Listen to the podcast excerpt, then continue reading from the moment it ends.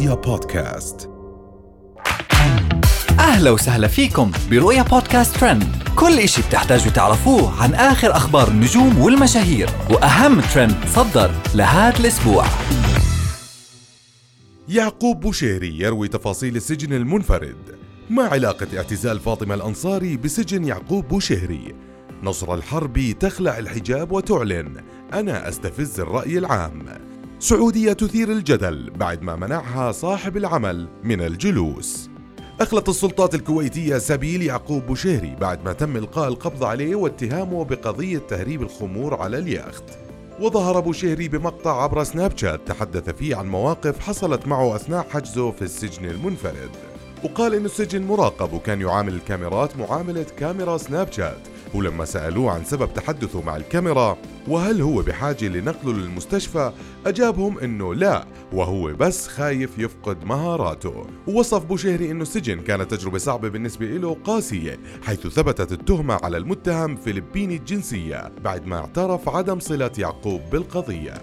من جهة أخرى ومتابعة للخبر اللي كان أعلنا عنه سابقا فيما يخص اعتزال الناشطة فاطمة الأنصاري.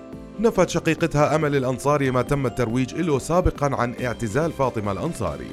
ونفت أيضا خبر زواجها كاتبة وش مبروك عليه حبيبتي؟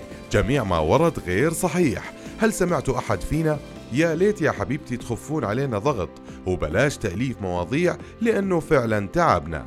وكان الجمهور ربطوا مؤخرا غياب فاطمة الأنصاري بسجن يعقوب بوشهري طليقها. ورجحوا أنها تكون ابتعدت عن ال social media من زعلها عليه ولكن لم يتم الإعلان عن أي شيء من هالخصوص أما نصرة الحربي فاجأت متابعينها على ال social media بخبر خلعها الحجاب وإنها لم تكن بيوم من الأيام محجبة لكنها ارتدته احتراما للرأي العام للتخفيف من تنمر المتابعين عليها وكتبت نصرة على صورتها بدون حجاب أنا إنسانة غير محجبة ولكن كنت ألبسه في سناب عشان لا أستفز الرأي العام لكن من فترة والتعليقات فيها تنمر وتطفل على قراراتي الشخصية. ننتقل من الأخبار الفنية للأخبار المحلية. في السعودية وقضية شغلت بال الرأي العام في السعودية. بعد ما انتشر فيديو لمواطنة سعودية تعمل في محل لأحد المراكز التجارية. بعد ما أجبرها مديرها الوقوف لساعات طويلة. كل يوم لمدة تسع ساعات.